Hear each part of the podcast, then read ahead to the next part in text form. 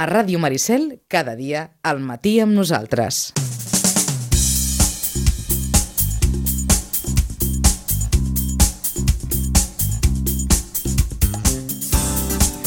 9 i 57 minuts, vinga, anem per feina.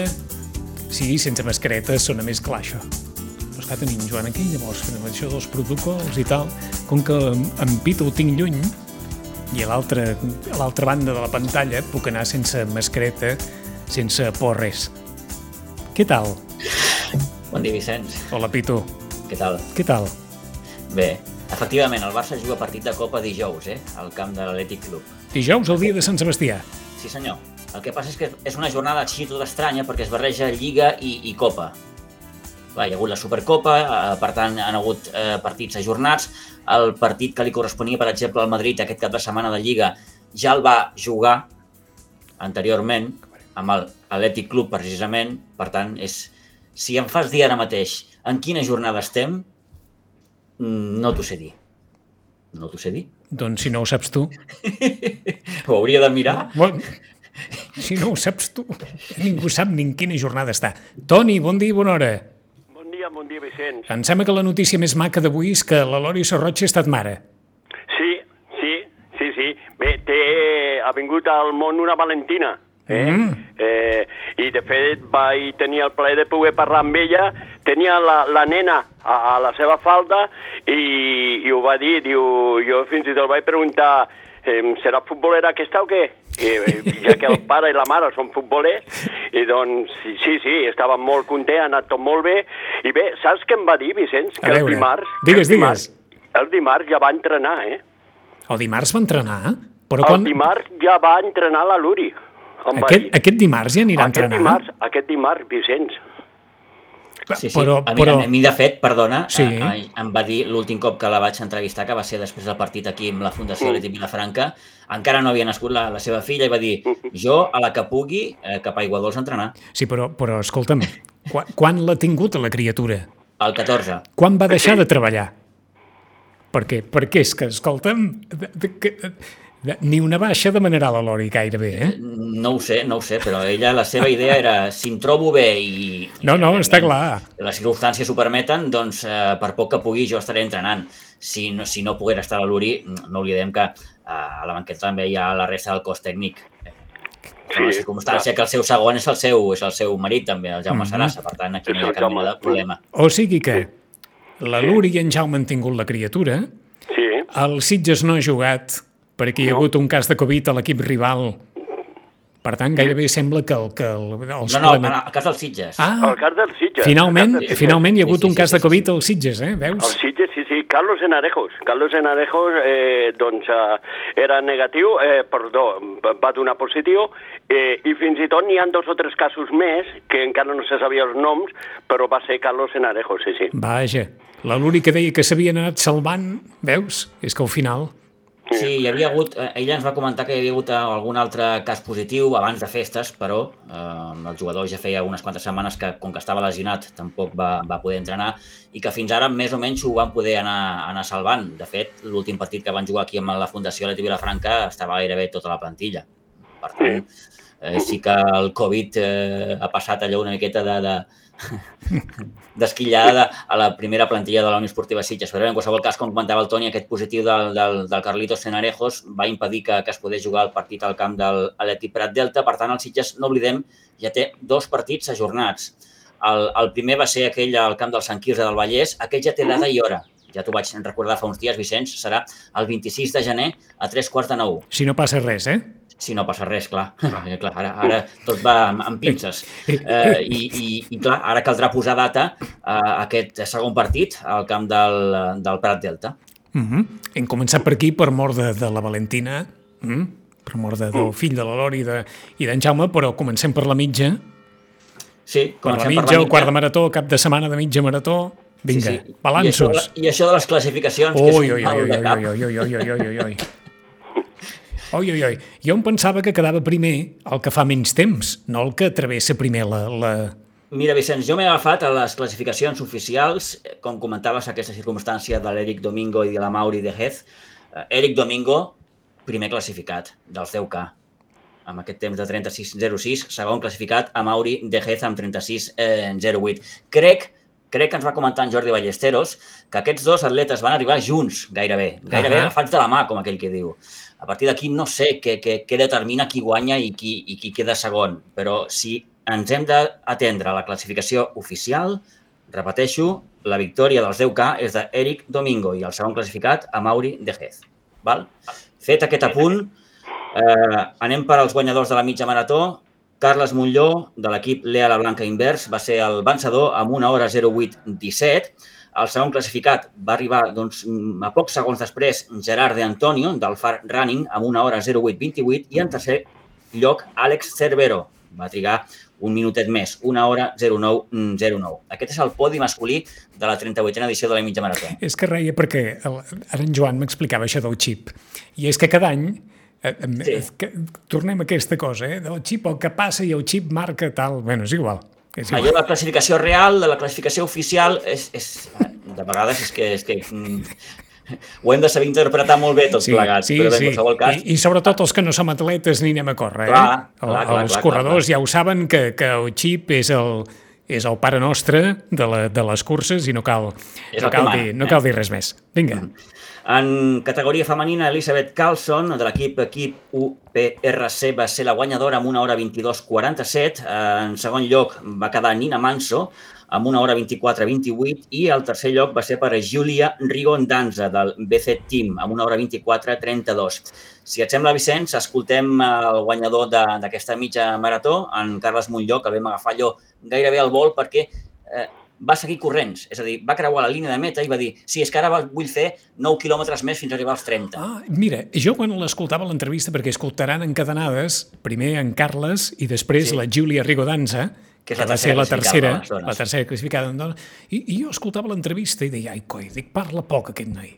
Sí, sí, Perquè sí. com, com gairebé, no diré que en monosíl·labs, però, però en frases dic, ja, ara ja ho entenc. A part que estava cansat, tenia una certa pressa perquè Sí, ell no volia sí. perdre el ritme i acabar de fer aquests 30 Eh, quilòmetres. és que escol- escoltaran a la Júlia, que, que fa tota una explicació i tal, Sí. i escoltaran abans en, en Carles Montlló, que, que gairebé diríem que contesta i dius, ai, no sé, potser hi ha un problema aquí o passa alguna cosa. I és que estava amb la intenció de continuar, eh? Sí, sí, sí, sí. Doncs vinga, anem escoltant Carles Montlló primer i després a la Júlia Rigodanza. Bé, Carles, enhorabona. Moltes gràcies. Com et trobes?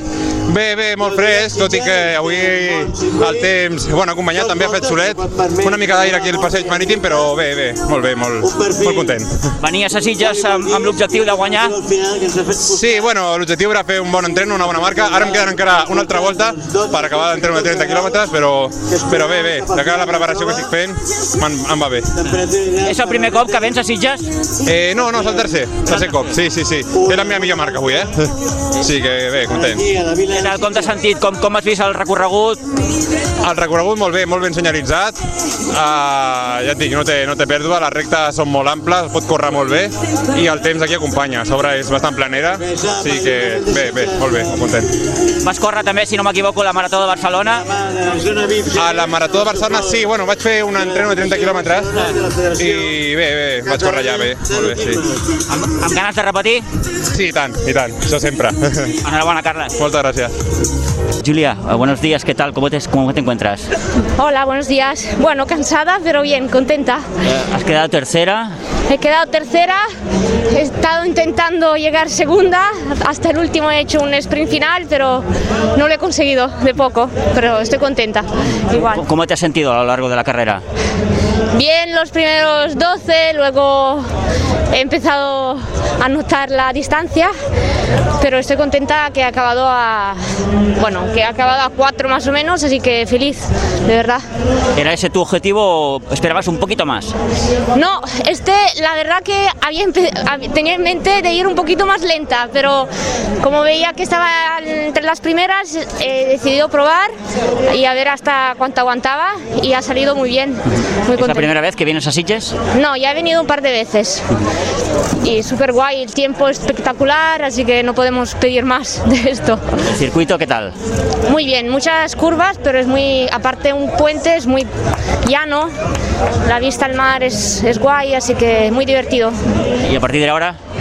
a partir de ahora la media de Granollers, el maratón de Barcelona, hay muchas carreras por delante, así que seguimos así. Vale, pues muchas gracias, Julia. Y gracias. Però no sé per què deia Rigodanza, Rigodanza, Rigodanza, eh? sí, sí, Rigodanza.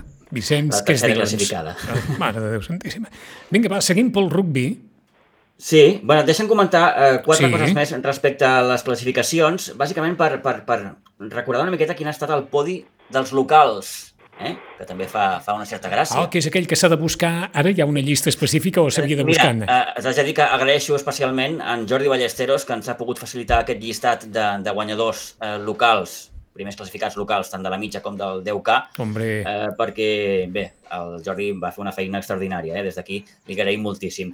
Eh, doncs mira, el, el podi eh, de la mitja marató, els tres primers classificats eh, masculins, locals, en Kil- Clia, amb una hora 19.34, en segon lloc en Joseba Arana, del Natació Sitges, amb una hora 19.56, i en tercer en Quico Tomàs, també de la Natació Sitges, amb una hora 20.55. uh -huh. Uh, pel que fa a les noies, la primera classificada local, Sílvia Toscas, del Natació Sitges, amb una hora 27.38, Laura Esther Ríos, també del Natació Sitges, amb una hora 34.37 i tercer, tercera plaça per Adriana Olivares, amb una hora 39.02. Pel que Caram, fa- eh, na- anava a dir, quina cantera o natació, eh? Sí, Quin sí, desembarcament, eh?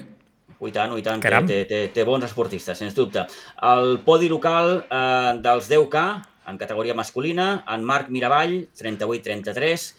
El segon lloc va ser per en Jordi Martí, un altre dels clàssics que corren aquests 10K, amb 41 minuts 24 segons. I el tercer, un clàssic, en majúscules, en Cisco Vila, amb 42 minuts 11 segons. El podi del 10K femení va ser el primer lloc per la Serena Serra, amb 47-54, el segon lloc per la Maria Hernández, amb 50-25, i el tercer lloc per la Nicola Strafford, amb 51-07. Uh -huh.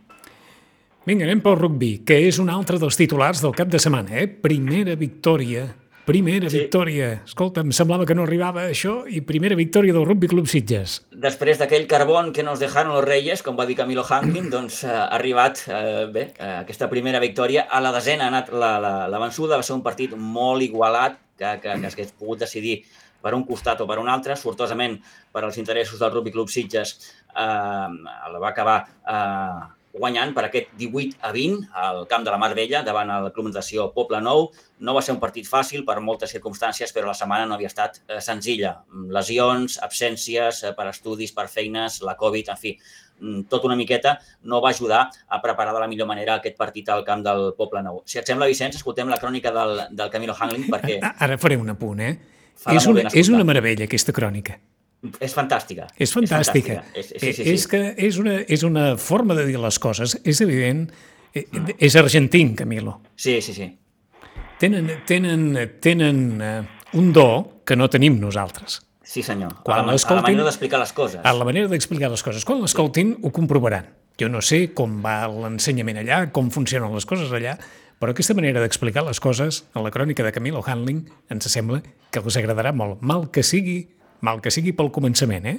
Mal que sigui pels 10 primers segons que assenyalen el tarannà de tota la crònica. Vinga. Buen día a tothom, damas, caballeros, señor Pitu, ¿cómo está? Aquí les habla Camilo Hangling, entrenador del Rapid Club Sitges, con la intención de relataros las vicisitudes del equipo de este fin de semana y en este principio de año. Un comienzo de año más que difícil, con una multitud de jugadores ausentes por estudios. Tenemos mu- mucho estudiante que se prepara para la NASA, mm, por trabajo, mucha gente trabajando, muchos asuntos familiares, muchos ausentes. Después de los turrones y el carbón, volvimos a entrenar con el bicho en pie de guerra, con confinados que caían a diario. El equipo se apretó un poquito más. Teníamos que presentar dos equipos, era difícil. Eh, uno jugaba contra el Leida, contra el INEF, eh, por la Liga Catalana, con 17 jugadores terminó yendo, que es un poco justo. Y otro equipo que jugaba por la Liga Nacional con, en División de Honor B. Jugaba con el Pueblo Nou, un contrario durísimo. Decidimos decididos a dar lo mejor, nos acercamos a la Marbella a jugar con el Pueblo Nou. Jugaron Pedro, Ot, Jorge Borovia, Miquel, Arnau, David, Paul Rivero, José Gala, nuestro capitán, Turco, Noah, Dani Hayes, Tomás, Jacobo, Abder, Víctor, Abel, Lautaro, Lucas, Hippolit, Xavi, Luis Hayes y Hugo. Eh, el partido se presentaba muy difícil en principio. Empezamos jugando bien, pero enseguida el destino nos dio dos cachetazos y tuvieron que salir antes de los seis minutos dos de nuestros pilares. Pilares del equipo y pilares del juego. De allí en adelante el partido fue muy interesante, eh, muy igualado. Mi cardiólogo me recomienda pocos de estos. Aunque nosotros llevábamos el peso del partido, en el marcador no se, no se reflejaba y fuimos muy igualados hasta casi el final. Podía caer de cualquier lado, como tantos partidos este año. La victoria dependía de una pluma en la balanza. Y con un plus de emoción, con mucho corazón, con un toque de frustración y de tristeza, un, un mogollón, eh, por la defunción de un hombre de rugby del club como era Estefan Casalbú. Pero hoy fue el día, hoy lo logramos. Hoy ganamos un partido, ganamos 20-18, pero muy difícil. Un club, una familia. Un abrazo, puto. Bé, allò que els dèiem, eh? Senyor Pitu, què? Senyor Pitu. Eh, M'ha agradat molt. Em quedo amb una frase. La victòria dependia de una pluma en la balanza. Per això et comentava que les persones que fan servir aquest llenguatge no, no diguem-ne que, que, han, eh, que han recorregut una vida mm, diferent de, de la resta, perquè si no aquestes expressions no s'utilitzen en el dia a dia. Això és el resum del que explicava el Camilo, no? que el partit va ser molt igualat. Aquesta pluma en la balança podia doncs, decantar la balança cap a un Mhm. costat o cap a l'altre. Ens alegrem molt pel Rugby Club Sitges, només faltaria. Després Sí, de sí, tantes sí. jornades oh, tant, de sequera, eh? A la desena ha anat la vençuda, aquest Rugby Club Sitges que bé, és penúltima a la classificació, eh, que bé, té un partit eh, difícil aquest proper cap de setmana perquè li ve l'Hospitalet, que és el segon classificat ara mateix. Ha estat també una jornada marcada per la suspensió de, de partits, se n'han hagut d'ajornar eh, tres a la divisió d'honor B. Deixem destacar també d'aquesta jornada del rugby la victòria que va aconseguir el sub-18, 41 a 5 amb el Buc, i també la derrota del sub-14, 10 a 29 amb el Sant Cugat. I acabarem tornant al futbol. No ens oblidem d'en Toni. Toni, aquí, no, ja ho sé, ja, però és que, escolta'm... eh, Estic escoltant molt bé, eh, perquè eh, feia molts anys eh, doncs que vaig participar una miqueta, però que no acabava de participar com jo he participat sempre en la mitja marató de Sitges. Mm. I clar, a mi tot això me porta molt bons records. Eh. Home, és que n'hi ha per... Esclar, després de tantes edicions, els records Sí, s'acumulen, eh? Jo, jo li deia l'altre dia al Toni, eh, per escriure un llibre i potser un llibre i una mica més. Sí, sí. Sí. I, i, com. I com deies, Pitu, el dia que marxi Jordi Ballesteros, a veure què és el maco que s'hi posa, eh? Sí, sí, sí, perquè té aquella Perquè tasca no, tan no, és, complicada. no és tan fàcil això de dir... No, no, d'anar agafant mm, el micròfon i anar eh, comentant com està la cursa, Exacte, exacte. els noms, eh, vas, vas cantant també els col·laboradors... en Des fi, de, tot. des de l'experiència de saber com van les curses, des del coneixement de, dels atletes, etc etc. Bé, digue'm que... Digues, digues, Toni. De fet, Vicenç fa, un, eh, fa anys que doncs, ell només està una edició, eh, perquè van canviar de speaker Mhm. i van posar un altre speaker. Es va notar moltíssim que no estava Ballestero, va notar moltíssim perquè l'experiència que ell té, coneix a tots els atletes, eh, és un home de- de- de- de- d'aquest món, doncs clar, això dona molt amb una cursa i, i és que ell no, no, no para, eh, està tot, a, tot el moment parlant, coneix a tots els eh, corredors, Mm, bé, és, és massa. Per mi és un mite, un mite que doncs, eh, quan ell no estigui es notarà Eh, moltíssim. Eh? les hores de vol que, que serveixen per alguna cosa, eh? Ui, tant, Tornem al tant. futbol. Unió Esportiva Sitges B, 3, Torrellenc, 2. Va ser un partit en el que no ens va deixar bones sensacions. Potser la millor sensació és que el Sitges va guanyar, que feia tres partits consecutius que el Sitges no guanyava al municipal i que, doncs, després d'una setmana que, segons Toni Salido, va ser complicada perquè van tenir molts, eh, uns quants jugadors que no van poder entrenar degut al Covid, degut a que van treure negatiu. Fins i tot el mateix entrenador, Toni Salido, no va poder entrenar tota la setmana, va tenir que, que fer-lo el seu segon, el Sergio Alcaraz, doncs uh, lo millor va ser la victòria, no? Uh, no es va patir, però sí potser una miqueta al final. Al final s'aconseguia els tres punts, que és potser la nota positiva del partit. Sí, i al final del partit ens va atendre Sergio Alcaraz, el segon de Toni Salido, bàsicament perquè el Toni Salido estava sense veu. estava sense veu i, i li va dir al seu segon, habla tu, que jo no puedo. Escolta'm, doncs se'n va sortir prou bé, eh? Sí, sí, sí, Sergio Alcaraz, eh, ja també el coneixem de fa, de fa molts anys, un, un bon Jan. Escoltem, si et sembla, la valoració que feia Sergio Alcaraz, el segon de, del Sitges B, d'aquesta victòria amb el Torrellenc. Vinga.